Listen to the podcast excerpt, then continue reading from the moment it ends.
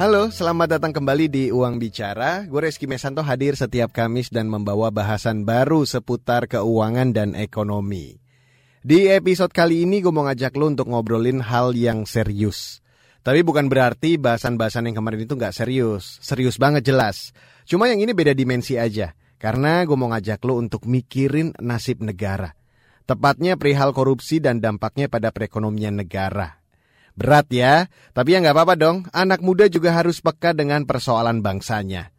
Terus kalau lo bilang korupsi itu nggak ngefek sama hidup lo, karena urusan tilep menilep duit itu urusannya sama orang-orang elit, bisnismen kakap. Lo salah. Dampaknya korupsi itu mengalir sampai jauh bahkan bisa lintas generasi ke anak cucu cicit lo. Ah, masa? Lebay amat. Pada nggak percaya omongan gua? Gimana kalau yang ngomong beliau ini nih? Nama saya Rimawan Pradiptyo, eh, Ketua Departemen Ilmu Ekonomi, Fakultas Ekonomika dan Bisnis Universitas Gajah Mada. Pada mulai percaya kan? Dan beliau ini bukan sembarang ekonom loh ya. Jejak kontribusinya sudah nggak kehitung. Rimawan ini bisa dibilang orang pertama yang memperkenalkan kajian crimes ekonomik di Indonesia. Bahasannya seputar biaya-biaya sosial ekonomi dari kejahatan. Ini tentunya termasuk korupsi. Beliau juga sudah jadi teman dalam tanda kutip ya, ngobrol ikrip di KPK soal biaya sosial korupsi sejak 2011. Mantap kan? Tapi tergelitik juga ya, apa sih biaya sosial kejahatan itu? Sebenarnya biaya di sini lebih ke dampak ya. Apa pun kejahatannya itu selalu menciptakan dampak sosial. Jangankan korupsi yang besar, orang nyuri sesuatu itu itu punya dampak negatif. Yuk kita preteli satu-satu. Misalnya ada pencopet merampas dompet seorang pembeli di pasar A. Dampak pertama jelas, dialami korban yang dicopet ya sudah kehilangan duit, terus bisa jadi ada kekerasan yang bikin luka fisik sampai trauma psikologis. Rumah sakit tentu ada biayanya. Kalau orangnya stres, itu mungkin butuh psikiater, mungkin butuh psikolog, itu ada biayanya juga. Lah biaya ini yang nanggung siapa? Tentu bukan si pencopet kan gitu kan. Ini out of pocket dari si victim tadi. Korban ini bisa siapa aja, termasuk gue, lu, duh, amit-amit moga-moga enggak ya. Nah, dampaknya ternyata nggak mandek sampai di situ aja, bahkan berpotensi meluas. Coba kita pikir lebih dalam. Lokasi kejahatan pasti dijauhi orang. Bayangin, orang yang punya usaha di situ tentunya bakal merugi. Mereka ikut kena getahnya. Itu biasanya yang terjadi orang akan mengatakan besok jangan lewat sana ya karena banyak copet. Nah dampaknya apa? Di tempat di mana di situ ada usaha-usaha, usaha itu akan sepi juga. kena kan? Kena dampak ya. Kejadian kejahatan itu akan membuat takut orang. Nah, fear of crime itu banyak dan kemudian dampaknya adalah orang tidak mau me, apa melewati daerah itu, harus muter dan lain sebagainya. Ini kan dampaknya luas. Jadi kalau ini digabungkan, siapa yang untung? Yang untung hanya satu, si pelaku. Siapa yang dirugikan? Banyak orang dirugikan. Jadi kalau digabungkan, itulah yang disebut dengan biaya sosial kejahatan. Dampak lanjutan satu peristiwa kriminal ini masih bisa melebar ke mana-mana nih. Masyarakat sekitar mungkin buru-buru pasang CCTV di rumah, pasang alarm, bangun pagar, sewa security, sampai naruh anjing buat jaga-jaga. Ini juga maksa warga ngeluarin duit kan? Yang nanggung siapa yo? Tar kudu mangkas pos anggaran lain buat ngebiayain upaya mencegah kejahatan itu. Semua jadi runyam deh.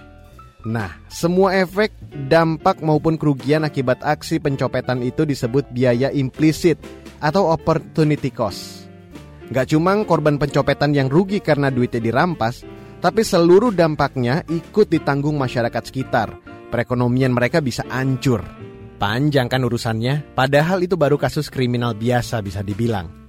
Lalu gimana kalau korupsi yang disebut extraordinary crime, kejahatan luar biasa? Dampaknya berarti berlipat kali dong dibanding dalam tanda kutip lagi ya, cuma nyopet di pasar. Karena yang dijadikan objek korupsi itu sumber daya level negara, misalnya duit APBN. Ingat, itu duit dari kantong kita-kita juga. Kan pajak itu nopang 80% penerimaan negara.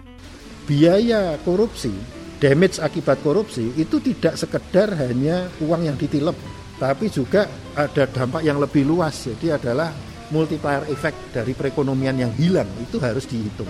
Nah, apakah itu nanti akan dikaitkan dengan hukuman dan lain sebagainya? Nah, itu idealnya berapapun damage-nya itu itu kemudian ya pelakunya diminta gantiin dong Hmm, make sense juga ya. Mestinya semua kerugian yang muncul akibat korupsi itu ya dibebankan ke koruptornya lah. Kan dia pelakunya. Masa kita sakna goro yang harus nanggung? Padahal nikmatin duit yang ditilep aja enggak. Kalau koruptor dihukum suruh bayar seluruh biaya implisit atau biaya sosial yang ditimbulkan, bukannya bikin efek jerah nggak sih? Karena bakal gede banget. Tapi di realita, hukuman bagi koruptor kok kayak ringan-ringan aja. Makanya itu, kasus rasuah muncul melulu. Dari kerugian negaranya 100%, itu hanya dihukum itu, baik itu denda ataupun juga suruh membayar uang pengganti, itu hanya maksimum 11%. Yes. Yes. Memang karena putusannya segitu ya sudah dibayar segitu kan, gitu kan. Lah terus inilah pertanyaan saya sebagai ekonom, karena ekonom itu mengatakan tidak ada makan siang gratis. Kalau di suatu negara itu 80 berapa tadi? 89 persen uang negara ini ditilep, yang hilang ini tadi. Yang bayar siapa? Yang bayar adalah pembayar pajak yang budiman, bukan si pelaku. Jadi Rimawan bikin riset Hasilnya, dalam rentang 2001 sampai 2015, kerugian negara akibat korupsi yang berhasil dibalikin itu cuma 21 triliun dari total 200-an triliun rupiah. Kecil amat deh. Dan itu baru soal duit yang ditilep aja loh ya, belum soal biaya implisit atau rangkaian kerugian yang ditimbulkan secara sosial. Berapa multiplier yang hilang dengan adanya uang yang 188 triliun tadi yang seharusnya dipakai untuk pembangunan tapi ternyata hanya dipakai sendiri kalikan aja itu dengan dua setengah kali lipat. Jadi ada sekitar kalau hitungan saya kasar itu dulu sekitar 504 triliun. 504 triliun dikurangi 21 triliun tadi jadi sekitar 480-an ya. 480 triliun itu uang negara yang sebenarnya hilang dari multipliernya. Lulusan University of York Inggris ini sudah ngutak-ngatik juga perhitungan hukuman finansial bagi koruptor yang setidaknya mengakomodasi soal biaya sosial korupsi. Kudunya koruptor disuruh bayar dua setengah kali lipat dari duit yang ditilep. Itu angka paling minimal kata dia. Di negara tetangga rumusnya lebih sangar lagi. Di Malaysia itu orang nilep merugikan keuangan negara X, dia dikenai denda lima kali X. Jadi Anda nilep berapa, ya Anda merugikan keuangan berapa, Anda membayar lima kali itu. artinya kan mereka kan memahami bahwa yang namanya uang yang ditilep eh, yaitu keuangan negara itu atau apa pun itu pasti masih ada rentetan ke belakangnya yaitu adalah multiplier ekonomi yang hilang. Ini kan berarti kan artinya mereka memahami konsep ekonomi sebenarnya. Bahwa kita boleh aja dispute di kenapa lima, kenapa empat, kenapa tiga, tapi itu adalah mencerminkan bahwa mereka memahami teori ekonomi bahwa ada multiplier efek itu yang jauh lebih besar. Malaysia progres banget ya soal pemberantasan korupsinya.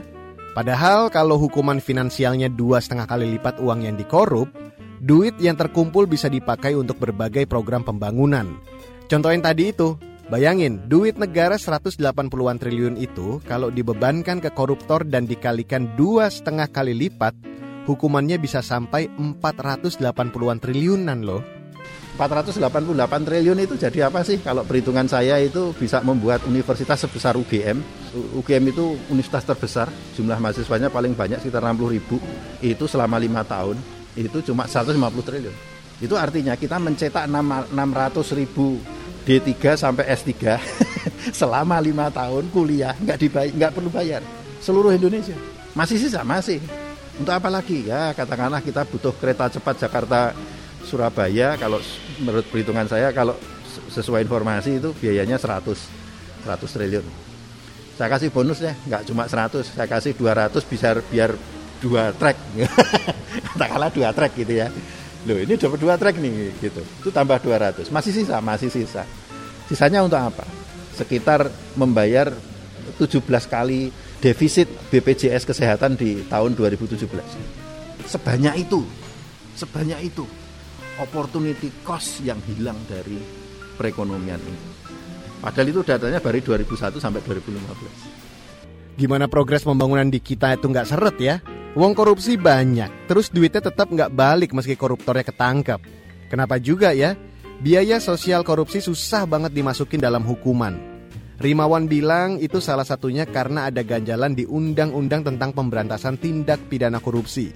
Di pasal 2 ayat 1 disebutkan, setiap orang yang secara melawan hukum melakukan perbuatan memperkaya diri sendiri atau orang lain atau suatu korporasi yang dapat merugikan keuangan negara atau perekonomian negara. Ini masih ada lanjutannya. Tapi yang mau disorot adalah frase merugikan keuangan negara atau perekonomian negara. Bagi Rimawan, frase ini ambigu karena seolah-olah menyamakan keuangan negara dengan perekonomian negara. Keuangan negara itu bagian dari perekonomian negara loh. Jadi kalau kita menghitung biaya apa kerugian perekonomian negara, itu pasti akan menghitung kerugian keuangan pemerintah tapi kalau Anda menghitung kerugian perekonom eh, keuangan negara, itu belum tentu menghitung kerugian perekonomian. Makanya, kalau mau ada revisi Undang-Undang Tipikor, Rimawan mengusulkan frase keuangan negara dicoret aja, cukup perekonomian negara. Dengan frase itu, nanti biaya sosial korupsi bisa diperhitungkan lebih serius. Contohnya untuk kasus suap. Pada kasus-kasus penyuapan, nggak ada kerugian. Menyuap padahal dengan menyuap itu ini muncul policy. Yang policy itu bisa membuat masalah di masyarakat. Iya kan? Gimana kalau seperti itu? Satu lagi nih yang gak kalah penting. Jika cuma frase perekonomian negara yang dipakai itu bisa menjerat korupsi swasta. Kasus rasuah di sektor ini belum tersentuh ya karena seolah yang dianggap korupsi itu cuma yang merugikan keuangan negara Padahal korupsi di sektor swasta juga menghancurkan perekonomian yang lagi-lagi dampaknya ditanggung pembayar pajak sak negoro. Tapi pelakunya nggak dihukum, nggak fair banget. Dari database saya, 59% dari korupsi yang terjadi di Indonesia itu dikontribusikan oleh swasta. Yang kalau di database saya itu karena swasta masuk dalam pengadaan barang dan jasa pemerintah. KPK juga mengatakan yang banyak itu kan penyuapan. Itu nilainya itu sampai 59% dari korupsi di Indonesia. Jadi kalau kita melihat literatur, korupsi yang paling berat untuk ditangani, ditanggulangi itu korupsi swasta. Sekali kita bisa menanggulangi korupsi swasta, ada aturannya, maka di situ adalah satu kemenangan yang hebat. Kalau suatu negara bisa mengatur, membuat aturan terkait dengan korupsi swasta, pemerintahnya kuat. And guess what? Malaysia sudah ngatur korupsi swasta di undang-undangnya. Kita ketinggalan lagi, udah 2-0 nih. Tapi kenapa sih penting aparat juga galak ngurusin korupsi swasta? Biar gamblang. Rimawan ngasih ilustrasi. Misalnya, ada perusahaan swasta mau pengadaan barang dan jasa. Terus ada perusahaan swasta lain yang mau ngajuin tapi pakai nyogok biar menang. Dari situ bakal muncul ekonomi biaya tinggi karena ada tambahan anggaran untuk suap. Ongkosnya biaya produksinya jadi yang seharusnya nggak naik jadi naik kan gitu kan. Nyusahin orang semua kan. Gara-gara saya yang minta, itu Mbak kemudian harus dipaksa untuk meningkatkan harga. Yang nanggung yang membeli siapa? Orang lain tuh. Semua kliennya Mbak selain saya. Ya ini kalau satu industri, satu perusahaan. Nah kalau saya kita terapkan ini banyak perusahaan lain melakukan itu, barang-barang di negeri itu akan jauh lebih mahal daripada barang dari tetangganya. Aku bisa? Ya daya saingnya turun. Itu di bisnis. Bisa jadi nanti kemudian keinginan untuk riset and development nggak ada yang mau. Kenapa? Ngapain riset and development? Wong kita nyogok aja bisa kok. Wah, emang rugin banget ya korupsi ini. Tapi sayangnya aturan-aturan sekarang belum bisa bikin para koruptor jerah. Nah, di bagian selanjutnya Rimawan bakal bahas soal dampak buruk apa aja yang ditimbulkan dari kejahatan luar biasa ini. Jangan ke mana-mana, tetap di Uang Bicara.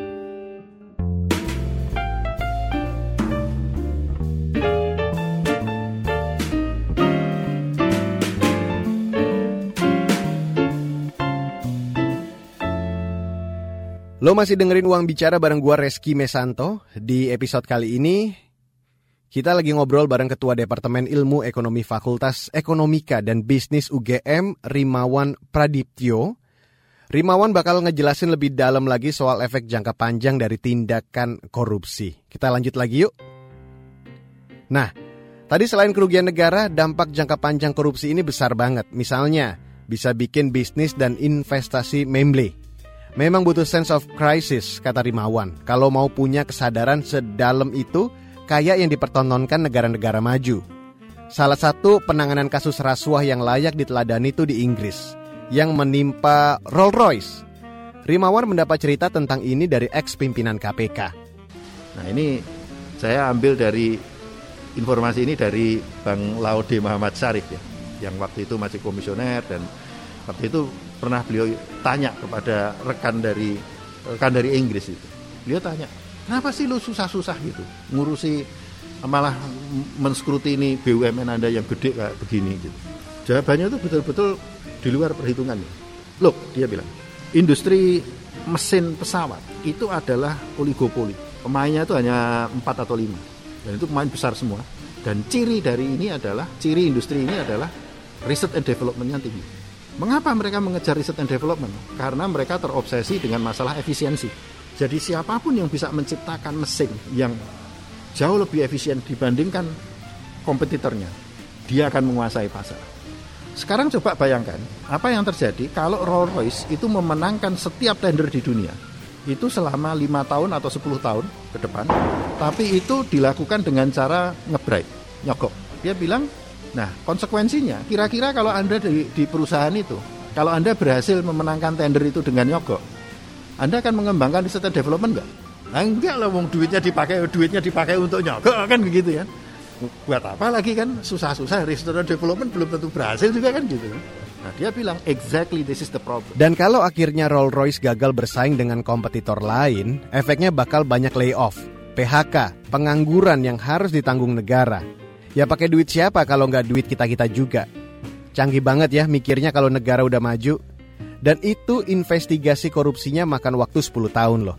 Karena mereka sadar yang dipertaruhkan itu jangka panjang. Masa depan banyak generasi mendatang. Memang sih, kalau lihat dari data University of Gothenburg 2020, negara yang korupsinya tinggi itu biasanya tingkat ketimpangannya tinggi. Kualitas pemerintahan dan demokrasinya rendah. Intinya, tingkat korupsi itu berbanding terbalik dengan hasil-hasil pembangunan. Gak usah jauh-jauh ke situ dulu. Soal sistem penggajian aja beda antara Indonesia dan negara maju penggajian di luar negeri itu kalau di negara-negara OECD, negara-negara maju, itu adalah kita digaji sekali dalam satu bulan. Ketika gajian itu ya sudah itu 100% yang kita terima berapa itulah adalah take home pay-nya. Jadi nggak ada lagi kemudian ada SPPD, eh, kalau ada meeting ada honor, nggak ada. Ya. Sehingga ketika ditunjukkan di sana, ini loh gaji saya sekian, aset saya sekian, orang itu kemudian nonton gitu. Dan itu di website terbuka terjadi terjadi. Loh mengapa mereka kok sampai seperti itu? Karena mereka sadar bahwa kalau kemudian pejabat pemerintah itu tidak berintegritas, negara mereka dalam posisi rapuh dan itu sewaktu-waktu bisa diinvasi oleh negara lain. Waduh, mikirnya sampai soal invasi negara segala ya. Polo overthinking kayak gini keren dan layak ditiru. Rimawan panjang lebar ngomongin soal biaya sosial, korupsi, dan tetek bengeknya itu sejak 2009 loh udah satu dekade lebih dan tetap stabil semangatnya. Dan usaha nggak berkesudahan itu akhirnya berbuah pada November 2021 lalu. Rimawan diminta Kejaksaan Agung menjadi saksi ahli untuk menguraikan perhitungan kerugian perekonomian negara. Ini terkait dalam kasus korupsi importasi tekstil 2018-2020 yang melibatkan pejabat bea dan cukai. Di tingkat kasasi, Mahkamah Agung memutuskan kerugian perekonomian negara 1,6 triliun akibat kasus itu sebagaimana yang dipaparkan Rimawan. Baru satu-satunya perekonomian negara. Nah, itu se sejak reformasi ya. Kalau sebelum reformasi itu ada dulu ketika masih Pak Baru Barudin Lopa itu ada ada kasus juga masalah perekonomian negara. Ini menarik ya. Jadi di zamannya Orde Baru itu ada kasus itu perekonomian negara itu rugi. Itu inkrah. Jadi kasus importasi tekstil itu merupakan yang kedua sepanjang sejarah Republik ini yang memakai pendekatan kerugian perekonomian negara. Perkara pertama yang dimaksud Rimawan adalah kasus korupsi dana reboisasi yang menjerat Tony Gozal pada 1982. Sosok yang mampu menyeret pengusaha yang dikenal kebal hukum itu adalah Baharudin Lopa, Kepala Kejaksaan Tinggi Makassar. Kita tahu, Lopa sangat dihormati atas integritasnya dan pernah menjabat jaksa agung di masa pemerintahan Presiden Gus Dur. Dan jejak Lopa ini baru terulang hampir 40 tahun kemudian. Saya tidak melihatnya sebagai ini terlambat ya, bukan, saya tidak seperti itu. Tapi memang yang berat adalah kita itu membawa konsep, memperbaiki konsep. Yang itu sudah stated clearly di sana dan ini didasarkan pada teori ekonomi. Kita coba masuk ke sana dan to some extent ini ya sendirian. Jadi jalan panjang. Dari berbagai seminar diskusi itu selalu saya munculkan Alhamdulillah sampai saat ini ya kebanyakan mengatakan iya ya Kenapa kita nggak berpikir seperti itu ya? Nah ini yang menarik gitu. Bahwa ini kemudian baru terjadi, saya memulai di 2009 gitu ya, baru terjadi di 2021 itu bagian dari sejarah itu. Capaian ini tentu membanggakan ya. Meski sebenarnya kalau mau jujur, itu baru langkah kecil dari banyak pekerjaan rumah yang mesti diberesin. Di perihal ini, Undang-Undang Lingkungan Hidup lebih progres ya kelihatannya ketimbang Undang-Undang Tipikor. Soalnya sudah memuat penghitungan kerugian negara, misalnya pada kasus kebakaran hutan. Padahal korupsi jelas menghambat pembangunan dan pemenuhan hak sosial ekonomi masyarakat. Apalagi saat ini kita lagi berjuang pulih dari pandemi. Pemerintah lagi gencar-gencarnya kan mengundang investor masuk Indonesia. So, lapangan kerja banyak, pengangguran terserap. Nah tapi ya, investor juga pasti ragu-ragu kalau tingkat korupsi di sini masih tinggi. Ada ada teori, ada uh, riset yang dilakukan oleh Cuervo Kazura di tahun 2006. Jadi dia mengatakan gini, kalau negara itu korup, maka investor negara itu tidak akan ke negara yang bersih. Dia akan investasi ke negara yang korup juga. Negara yang bersih, investornya tidak akan masuk ke negara yang korup, tapi dia akan cari yang bersih juga. Jadi kalau Anda itu negaranya itu apa kalau kita korupsinya tinggi, itu sebenarnya hanya mengundang investor, investor yang buruk. Apalagi sekarang ya, sebelum ada pandemi itu yang namanya uang itu langka, apa modal itu langka. Sekarang pasca pandemi itu lebih langka lagi. Nah, ke depan itu bagaimana kita bisa menarik investor yang baik? Caranya simpel. Ya, perbaiki sistem integritas kita, sistem kelembagaan kita perkuat lagi kayak KPK dan lain sebagainya itu harus diperkuat. Anti korupsinya harus diperkuat. Karena dengan cara seperti itu, in, siapa pun investor yang masuk ke Indonesia itu adalah pastikan bahwa investor yang ke Indonesia itu adalah investor yang baik.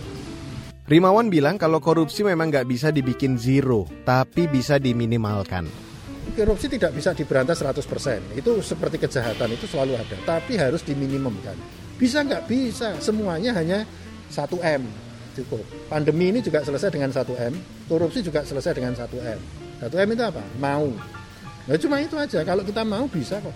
Kalau kita nggak mau ya mau semudah apa pun ya semuanya terasa sulit. Oke, itu rumusnya singkat aja, 1M. Mau. Pendek tapi panjang ya eksekusinya. Tapi ya wajib dilaksanakan karena kita lagi membangun fondasi loh, nggak cuma untuk generasi sekarang, tapi juga sampai anak cucu cicit kita. Masa kita mau mewariskan fondasi yang rapuh? Mengapa kita merdeka? Jangan sampai loh kita kemudian mengkhianati para, para founding fathers itu ya. Kan harus begini. Perbeda kalau kita bandingkan antara Indonesia, Malaysia, Singapura. Kita merdeka itu itu mungkin se-ASEAN itu paling berat. Bebannya paling berat. Karena kita tuh mengalahkan Belanda.